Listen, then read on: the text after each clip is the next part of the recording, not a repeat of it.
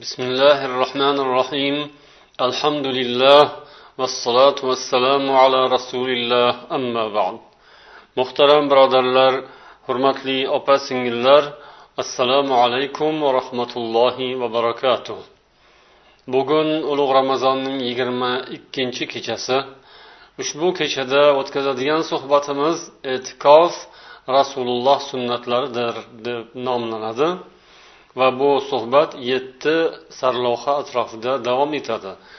Birinchisi e'tikof nima degani? Ikkinchisi e'tikof o'tirishning hukmi va e'tikof turlari.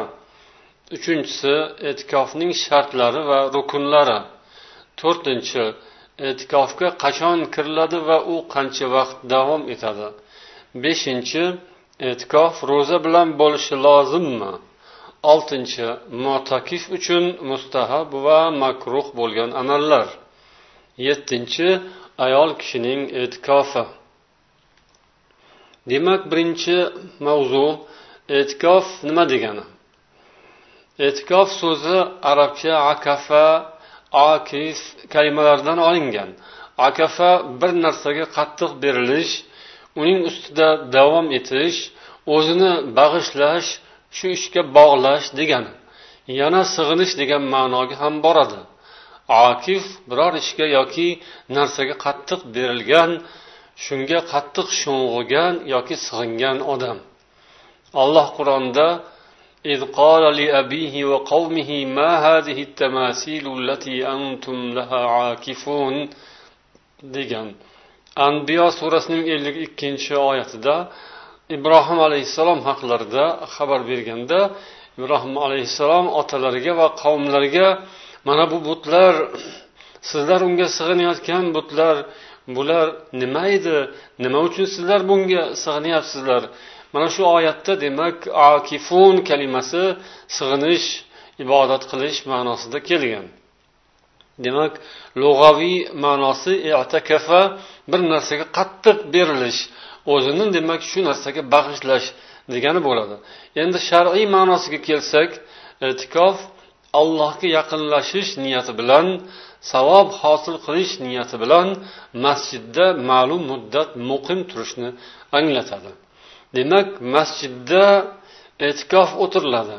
Inson masjidda alloh taologa yaqinlik hosil qilish va ajru savoblarga erishish maqsadida shu narsani niyat qilgan holda masjidga o'zini lozim tutadi. Yana u odamlarning ishlaridan dunyo ishidan uziladi. Boshqa narsalardan to'xtab o'zini faqat ibodatga bag'ishlaydi. Ollohning toatiga bag'ishlaydi. Bu narsa masjidda bo'ladi. Yana ramazon paytida bo'ladigan bo'lsa laylatul qadr kechasini topish uning ajru savoblariga erishish maqsadida e'tikof o'tiradi. E'tikof o'tirgan odam demak o'tirgan joyida o'sha istiqomat qilayotgan yerda ya'ni masjidda zikr tilovat qiroat namoz va boshqa ibodatlar bilan mashg'ul bo'ladi va dunyoviy ishlar bilan shug'ullanmaydi. O'zini yolg'iz alloh taologa uning ibodatiga bag'ishlaydi. Mana shu bilan u alloh taologa yaqinlik hosil qiladi va inshaalloh ko'p ajru savoblarga erishadi. Inson o'zini ruhan tarbiya qiladi. Bu odam uchun musulmon odam uchun juda ham bir foydali amalki uning boshqa ibodatlari ham boshqa kunlar ham dunyoviy holatlarda dunyoviy holatlarga yaqin e, sharoitda o'tadi. U demak namoz o'qiydi namoz o'qigandan keyin darhol ishiga kirishib ketish kerak yoki boshqa yumushlar uning oldida ko'ndalang bo'lib turadi. Ammo e'tikofda esa demak ana shunday narsalarning hammasidan uzilish hammasidan uzoq bo'lishni niyat qilib qalbi bilan faqat allohga ibodat qilishni demak u qasd qiladi. Ana shunda u bir bir qadar ruhan yengillashadi. U dunyodan uzilgandek bo'ladi. Dunyodan uzilib oxiratga o'zini bag'ishlagan bo'ladi. Ikkinchi nuqta e'tikof o'tirishning hukmi va turlari. Barcha ulamolar e'tikof demak shar'iy amal ekaniga ittifoq qilishgan. Bu amalni sunnat ekanini aytishadi. Quduriy kitobida esa mustahab deb ta'rif qilingan. Payg'ambarimiz sollallohu alayhi vasallam har ramazon kelganda o'n kun e'tikof o'ltirar edilar. Vafot bo'ladigan yillari yigirma kun e'tikof o'ltirdilar. Buxoriy abu davud va ibn moja rivoyatlari. Payg'ambarimiz sollallohu alayhi vasallam vafotlaridan so'ng u zotning sahobalari va turmush o'rtoqlari um, musulmonlarning onalari onalarimiz e'tikof o'tirganlar. E'tikof rasululloh sollallohu alayhi vasallamning sunnatlari bo'lsada lekin bu borada biror bir targ'ibot hadis kelmaganini aytishadi ulamolar. Bu faqat payg'ambarimiz sollallohu alayhi vasallamning va sahobalarning va rasulullohning zavji mutahharalari azvoji mutahharotlarining qilgan amallaridan olinadigan xulosa demak bu sunnat. Musulmon ummatiga bu sunnat bir qavmdan demak ramazon oyi kimlardir e'tikof o'tirishsa boshqalarning zimmalaridan o'sha sunnat soqit bo'ladi. Ya'ni sunnat e, kifoya sunnat sunnati kifoya deydilar ulamolar. Demak bu amal mashru va sunnat amaldir. Mana bu narsaga musulmonlar e'tibor qaratishlari darkor. Kimki bu narsani o'zida o'ziga shu narsani tadbiq qilib agar e'tikof o'tiradigan bo'lsa rasululloh sollallohu alayhi vasallam sunnatlarini tiklagan bo'ladi va buning sharofatidan o'zi ham bu dunyoda ham oxiratda albatta bahramand bo'ladi. Uchinchi nuqta e'tikofning shartlari va rukunlari. Demak e, yuqorida o'tgan ikkinchi nuqtamizda e'tikof o'tirishning hukmi haqida gapirdik. Yana turlari haqida ham qo'shimcha qilib o'tishimiz kerak. Demak e, turlari borasida ulamolar aytishgan ediki e'tikof yo vojib e'tikof yoki mandub masnun e'tikof bo'ladi. Ya'ni sunnat e'tikof mustahab e'tikof bu mana shu ramazonda yoki boshqa paytda ham inson shu narsani demak nafl niyati bilan e'tikof o'tirsa sunnat e'tikof bo'ladi. Ammo o'ziga o'zi nazr vojib qilgan bo'lsa u vojib e'tikofga kiradi. Demak uchinchi nuqtamiz endi e'tikofning shartlari va rukunlari haqida bo'ladi. E'tikofning shartlari bu ya'ni insonda e'tikof o'tirmoqchi bo'lgan insonda topilishi lozim bo'lgan narsalarni shart deymiz. E'tikofning shartlari uchtadir. Birinchisi balog'atga yetmoqlik bulug' ikkinchisi aql uchinchisi tahorat. Bulug' ya'ni balog'at yoshiga yetgan insondan e'tikof durust bo'ladi. Yosh bola demak unga ibodatlar vojib emas. Shuning uchun e'tikof ham undan talab qilinmaydi. Ammo ulamolar agar tamiz yoshiga yetgan bola bo'lsa demak uning qilayotgan amallaridan savob bo'ladi. Unga lozim bo'lmasa ham ibodatlar undan talab qilinmasada lekin tarbiya uchun demak uni o'rgatiladi. Demak tamiz yoshiga yetgan bola ham e'tikof o'ldirishi joiz deydilar. Keyingi sharti aql demak e, oqil inson aqli joyida bo'lishi kerak. Keyingisi tahorat ya'ni u inson nopoklikdan xoli bo'lishi kerak. Erkak kishi ya'ni junubdan xoli bo'lishi kerak. Ayol kishi hayz va nifosdan pokiza bo'lgan holda bo'lishi kerak. Illo demak e'tikof undan qabul etilmaydi. Uning e'tikofi durust bo'lmaydi.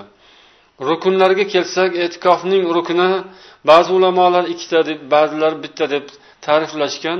Bu so'zlar o'rtasidagi farq faqat lafziy farqlari deyiladi chunki har ikkisi ham e'tiborli.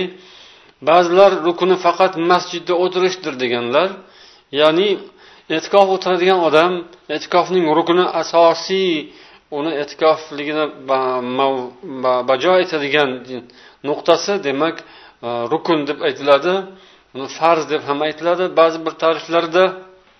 Demak e'tikofning asosiy farzi asosiy rukuni masjidda o'tirishdir. Ba'zi ulamolar bunga niyatni ham qo'shishgan ya'ni alohida zikr qilingan. Zikr qilmaganlar esa umumiy tarzda demak shu narsa ham nazarda tutilgan bo'ladi. Demak e, mukammali shu to'g'risi demak yaxshisi mana shu ikkita shartni ikkita rukunni biz nazarda tutganimiz avlo bo'ladi. Ya'ni e'tikofning ikki rukni biri niyat biri masjidda masjidda bo'lish.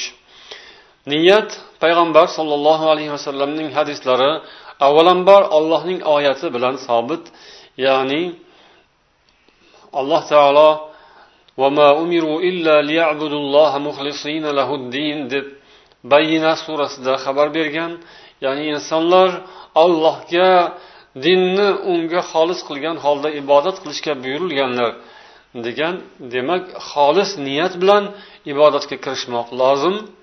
Payg'ambar hadislarida innamal a'malu binniyat va deb xabar berganlar amallar niyatlarga qarab e'tiborga olinadi.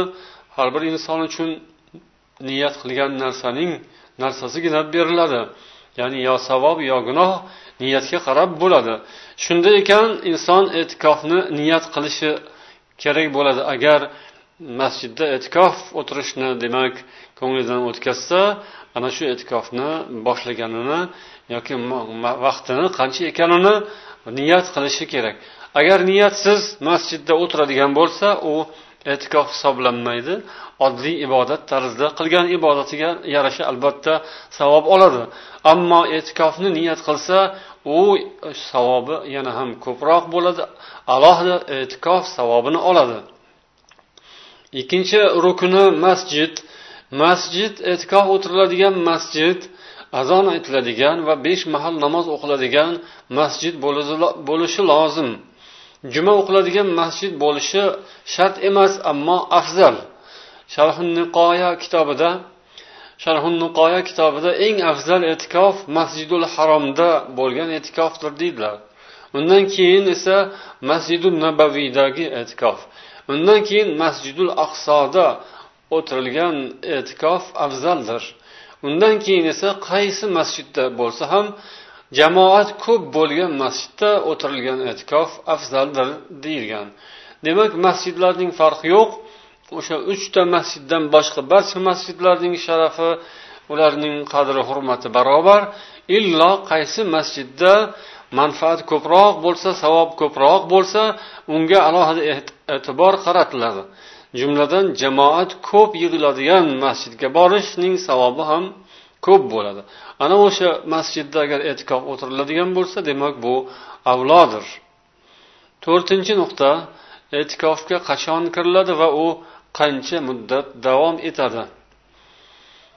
Imom muslim rivoyat qilgan hadislarida oysha onamiz roziyallohu anhu aytadilar kana rasululloh sollallohu alayhi vasallam إذا أراد أن يعتكف صلى الفجر ثم دخل معتكفه rasululloh sollallohu alayhi vasallam e'tikof o'tirishni xohlasalar fajr namozini o'qirdilar keyin e'tikof o'rinlariga kirardilar deganlar demak bu hadisga qaraganda e'tikofning boshlanish vaqti fajr namozidan so'ngdir ammo bu borada ulamolar bir qancha fikrlarni bildirganlar Imom navoiy bu hadisni sharhida aytadilarki bu narsa mana shu hadis e'tikof ertalabdan boshlanadi deguvchilarning so'zlariga hujjatdir.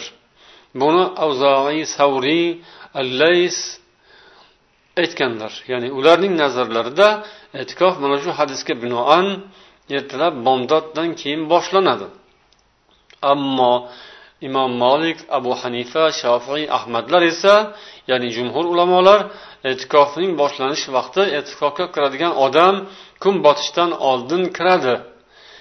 Lekin bu shu shart bilanki agar e'tikofni bir oy yoki o'n kun ketma ket o'tirishni niyat qilgan bo'lsa ana shunday bo'ladi kun botishdan oldin kirishi kerak. Yuqoridagi hadisning ma'nosi esa payg'ambar sollallohu alayhi vasallam demak o'shanda tunda ham e'tikof o'tirgan bo'lganlar lekin e'tikofni tundan niyat qilgan bo'lganlar lekin odamlardan uzilishlari demak ana shu fajrdan keyinga to'g'ri kelgan. Demak namoz bomdodni o'qib bo'lganlaridan keyin u kishi odamlardan alohida bo'lib e'tikof o'tiradigan o'rinlariga kirganlar. Lekin bu degani o'sha paytda boshlaganlari degani emas balki mag'ribdan boshlab demak tundan boshlab e'tikofga kirgan bo'ladilar deb tavil qilishgan. Yana mana shu o'rinda e'tikof o'tiradigan odam masjidda o'zi uchun alohida bir joy hozirlashi joizligiga bu dalil bo'ladi. Agar buning qiladigan ishi odamlarga xalaqit bo'lmasa odamlarga og'irlik malollik tug'dirmasa masjid bemalol bo'lsa keng bo'lsa shuning bir chetini o'zi uchun xoslab alohida joy qilib olishi durustdir. Bunga mana shu hadis dalil bo'ladi deydilar. Ya'ni bu ham boshqalarga xalaqit bermaslik uchun qilingan ish bo'lishi kerak deydilar imom navoiy. Ya'ni alohida bir chetroqqa xoliroq joyga borib odamlarning ko'zi tushmaydigan yoki odamlarning yo'li tushmaydigan joydan masjidning shunday bir qismidan o'ziga joy hozirlashi durust bo'ladi.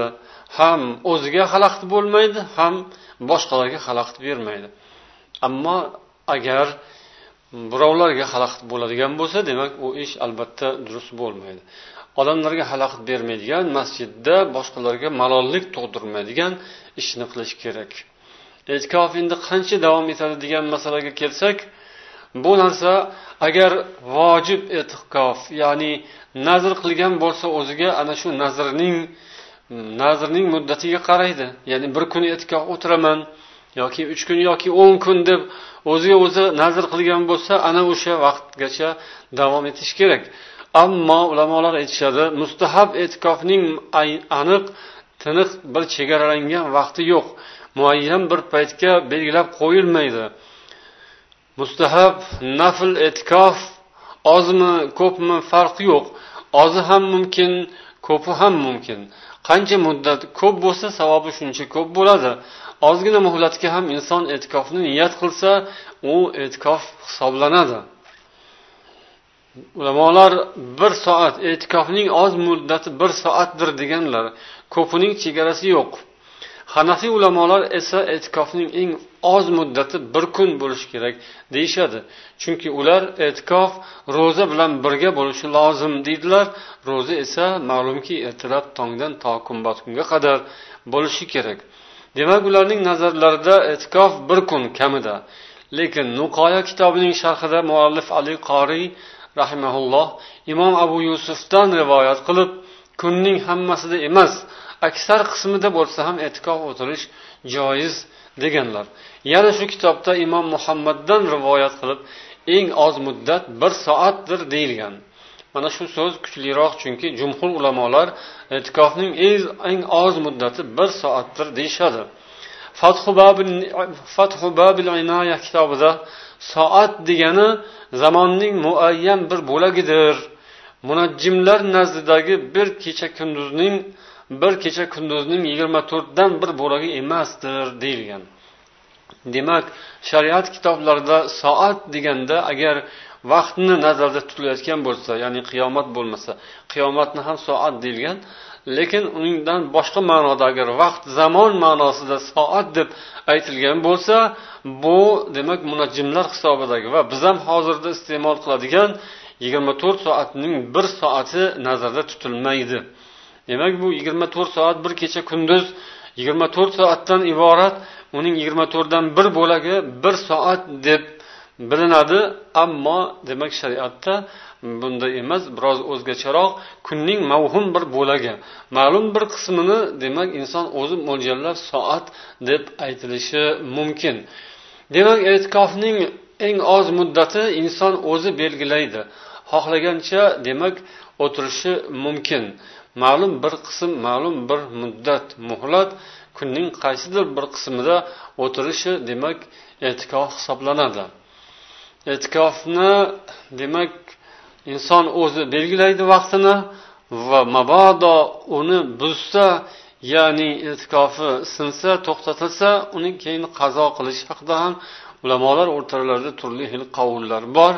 Ba'zilar inson nafl e'tikofni qazo qilmaydi deyishadi ba'zi ulamolar esa qazo qiladi deyishadi.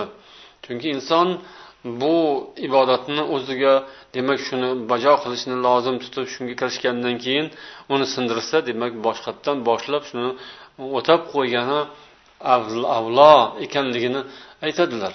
Ammo oysha roziyallohu anhu onamizdan rivoyat qilingan bir hadisda buxoriy va muslimda kelgan hadisda rasululloh sollallohu alayhi vasallam fajr namozini o'qib e'tikofga kirdilar.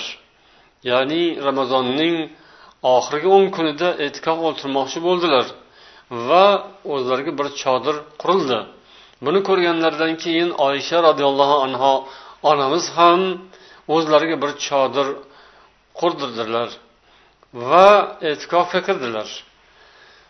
Boshqa ayollar ham buni ko'rib ular ham e'tikof o'tirishga kirdilar. Ular ham chodir qurdilar masjidga va e'tikof boshladilar. Payg'ambarimiz sollallohu alayhi vasallam namozdan keyin fajr namozidan keyin qarasalar qator chodirlar qurilibdi. Bu nima deb so'radilar? Al birra turidna. Shu bilan sizlar savob umid qilmoqchimisizlar? Dedilar. Shundan keyin payg'ambar alayhissalom o'zlarining chodirlarini yig'ishtirishni buyurdilar va boshqa ayollarning ham chodirlarini yig'ishga buyurdilar. Shundan keyin rasululloh o'sha o'sha muddatda ya'ni o'sha ramazonning uchinchi o'n kunligida e'tikof o'tirmadilar keyingi oyning birinchi o'n kunligida e'tikof o'tirdilar. Ya'ni shavvol oyida e'tikof o'tirdilar. Rasululloh sollallohu alayhi vasallam ayollarning e'tikoflarini demak yig'ishtirdilar. O'zlari esa keyin e'tikof o'tirdilar. Endi beshinchi nuqtamiz e'tikof ro'za bilan bo'lishi lozimmi? E'tikof masalasida ulamolar ulamolar o'rtalarida turli qavullar aytilgan masala ro'za masalasidir. Ya'ni ko'p tortishuvlar mana shu ro'za masalasida bo'ladi. Ya'ni ro'za bilan bo'lishi kerakmi yoki ro'zasizmi? Avzoiy molikiylar hanafiylar e'tikof faqat ro'za bilan bo'ladi deyishadi.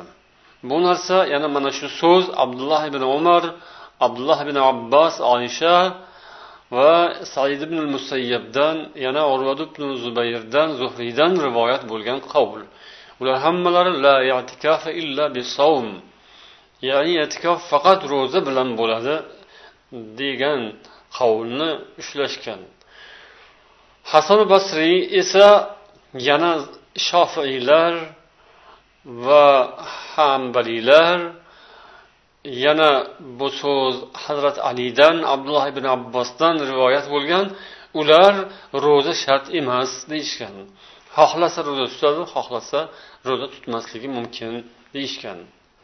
Hanafiylardan vojib e'tikof uchun ro'za shart nafl e'tikof uchun ro'za shart emas deganlar ham bo'lgan. Demak agar ro'za bilan bo'lsa albatta a'lo bo'ladi. Chunki inson e'tikofda butun vujudi bilan qalbi bilan alloh taologa berilib ibodat qilishi lozim ekan. Ro'za juda ayni muddao bo'ladi. Inson ro'za tutsa demak yana ham u ko'proq allohga yaqinlashgan bo'ladi oxiratga o'zini ko'proq bag'ishlagan bo'ladi. Ammo agar ro'zasiz bo'ladigan bo'lsa bu ham demak joiz oltinchi nuqta motakif uchun mustahab va makruh bo'lgan amallar. Ya'ni motakif e'tikof o'tiradigan odam. Bu inson modomiki e'tikofni niyat qilib o'zini alloh taologa bag'ishlagan ekan mana shu muddat davomida o'zini yaxshi ishlar bilan faqat savob bo'ladigan ibodat bo'ladigan ishlar bilan mashg'ul qilishi lozim. Namoz tilovati qur'on tasbeh hamdu sano tahlil takbir istig'for rasulullohga salotu salovatlar o'zi uchun duo. Mana shunday amallar bilan mashg'ul bo'lib o'tirishi lozim bo'ladi. Insonni ollohga yaqinlashtiradigan ishga mashg'ul bo'lish kerak. Yana shuningdek diniy kitoblarni mutolaa qilish tafsiru hadislar bilan mashg'ul bo'lish ilm majlisida zikr majlisida demak ishtirok etish bu yaxshi afzal amallardan. Yana u o'zi uchun mustahab bo'lgani masjidning hovlisidan bir joyni o'ziga ajratib o'sha yerga deylik chodir tutib o'tirishi bu ham yaxshi ish. Chunki payg'ambar sollallohu alayhi vasallam mana shunday qilganlar payg'ambarga ergashgan bo'ladi u kishining sunnatlariga rioya qilgan bo'ladi. Agar shu ishi masjidga odamlarga xalaqit bo'lmasa boshqalarga malol kelmasa illo malol kelmaydigan oddiy sodda yo'lni tanlash kerak bo'ladi. E'tikofda o'tirgan odam ibodatdan boshqa narsalar bilan shug'ullanishi mumkin emas. Allohning toati deb qaraladigan ishlardan boshqa ishlarga chalg'ishi joiz bo'lmaydi.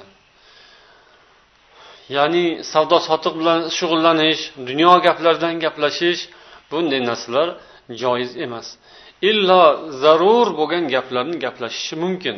Dunyo gapidan bo'lsa ham zarur bo'lgan gaplarni zarurat uchun gaplashsa bo'ladi. Hatto ulamolar zarur bo'lgan tijoratini o'sha yerda gaplashsa ham bo'ladi. Faqat tijorat molni olib kirmaydi ushlamaydi o'zi uni ustiga bormaydi yaqinlashmaydi.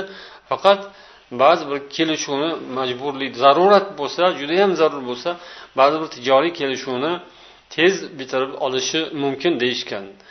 Yana zarurat uchun tashqariga chiqishi mumkin ya'ni hojatga borishi. Agar masjid hududida hojatxona bo'lmasa tashqarida bo'lib o'sha yerga chiqishga zarurat bo'lsa tashqariga chiqib kiradi hojati uchun hojat ushlatish uchun yoki g'usul qilishi uchun tashqariga kirib chiqishi mumkin.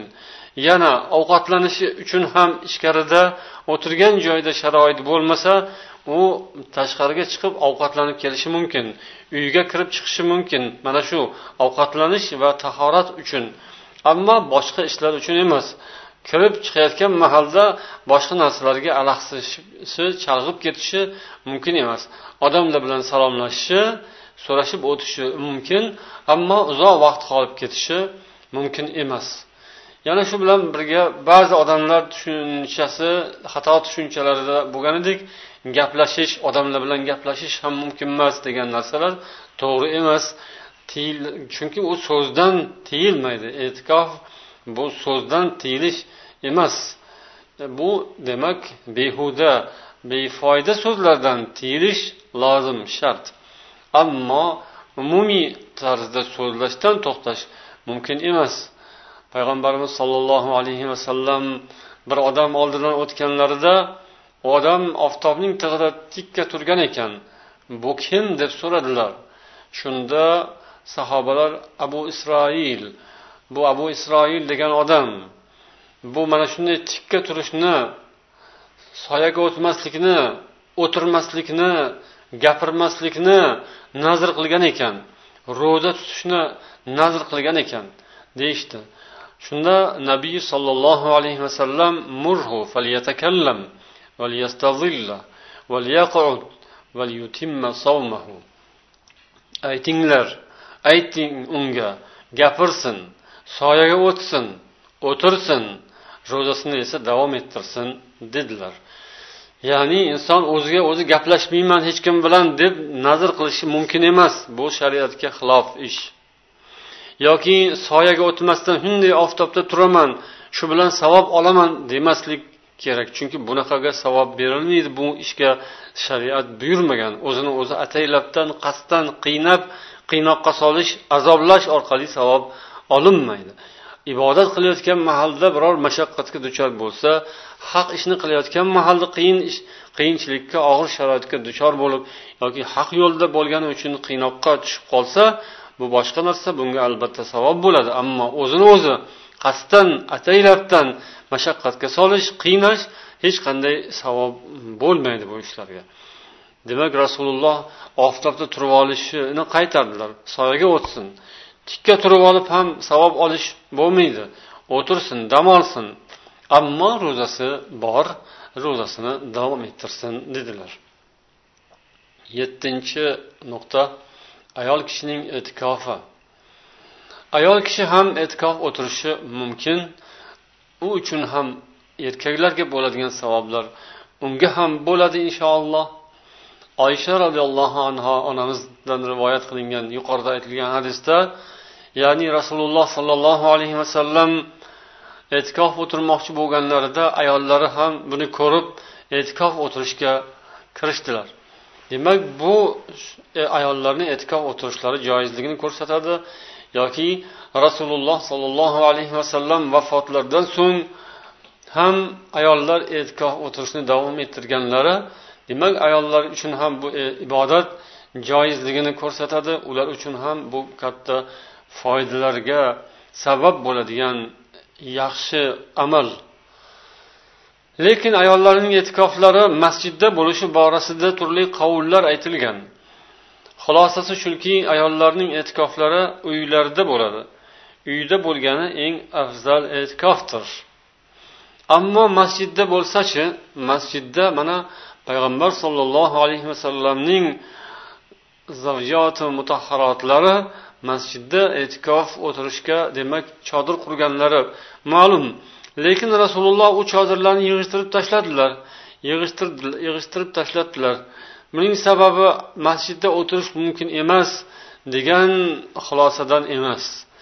Balki ayollarning masjidda e'tikof o'tirishlarida biror bir biror bir noqulaylik tug'ilishi gap mana shunda.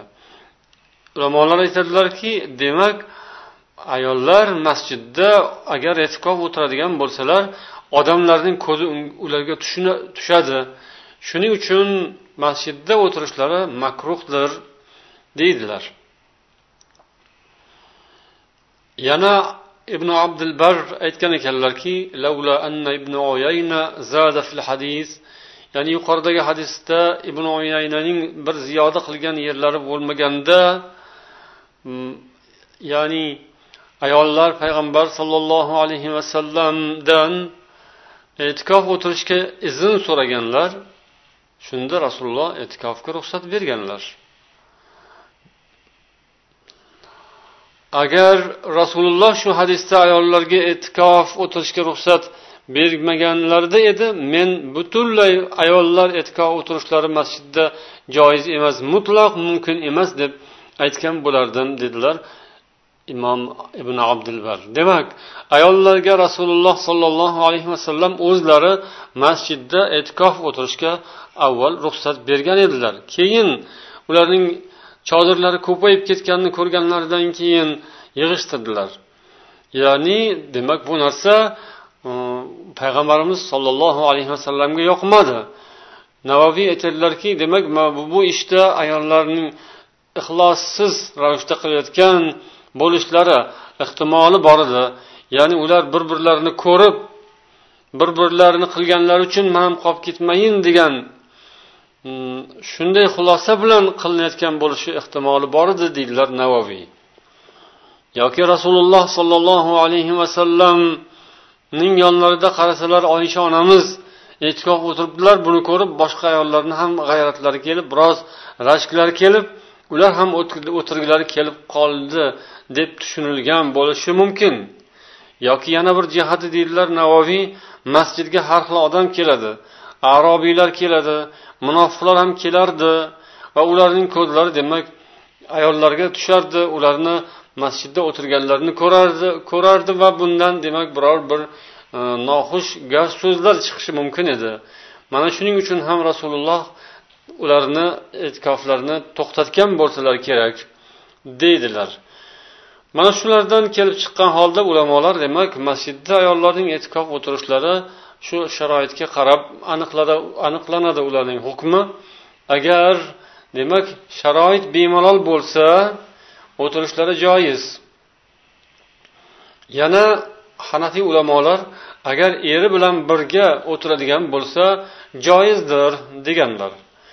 Endi masjidda ayollar e'tikof o'tirishga boshlagan bo'lsayu ularni masjiddan chiqarish masalasi to'xtatish masalasi qanday bo'ladi? Degan masalada imom abu hanifa ayol kishini masjiddan e'tikofini to'xtatib chiqarish mumkin emas. Ya'ni agar eri o'zi ruxsat bergan bo'lsa eri agar ruxsat bergan bo'lsa yoki cho'ri bo'lsa yo xo'jayini o'zi ruxsat bergan bo'lsa keyin uni masjiddan chiqarish biror bir sabab bilan masjiddan to'xtatib e'tikofni to'xtatib chiqarish masalasi qanday bo'ladi deganda ulamolar demak biror bir shunga zarurat tug'ilsa chiqarish mumkin lozim bo'lsa deganlar. Imom abu hanifa esa demak ayol kishini mm, ozod ayolni chiqarish mumkin emas ammo o'zining cho'risi bo'lsa qul bo'lsa uni chiqarish mumkin deganlar. Demak bu mana shu boradagi ulamolarning fikrlari edi. Sharoit vaziyat taqozosiga ko'ra ko'p masalalar hal etiladi. Agar masjidda o'tirish ayollar uchun noqulay bo'lmasa demak joiz. Erlari bilan o'tirishlari joiz deyishgan ulamolar sharoitga qarab demak ular bu ibodatni davom ettirishlari mumkin. Alloh taolo barchamizga o'zining roziligi uchun qilinadigan ibodatlarni chiroyli ado etishimizni nasib aylasin سبحانك اللهم وبحمدك أشهد أن لا إله إلا أنت أستغفرك وأتوب إليك والسلام عليكم ورحمة الله وبركاته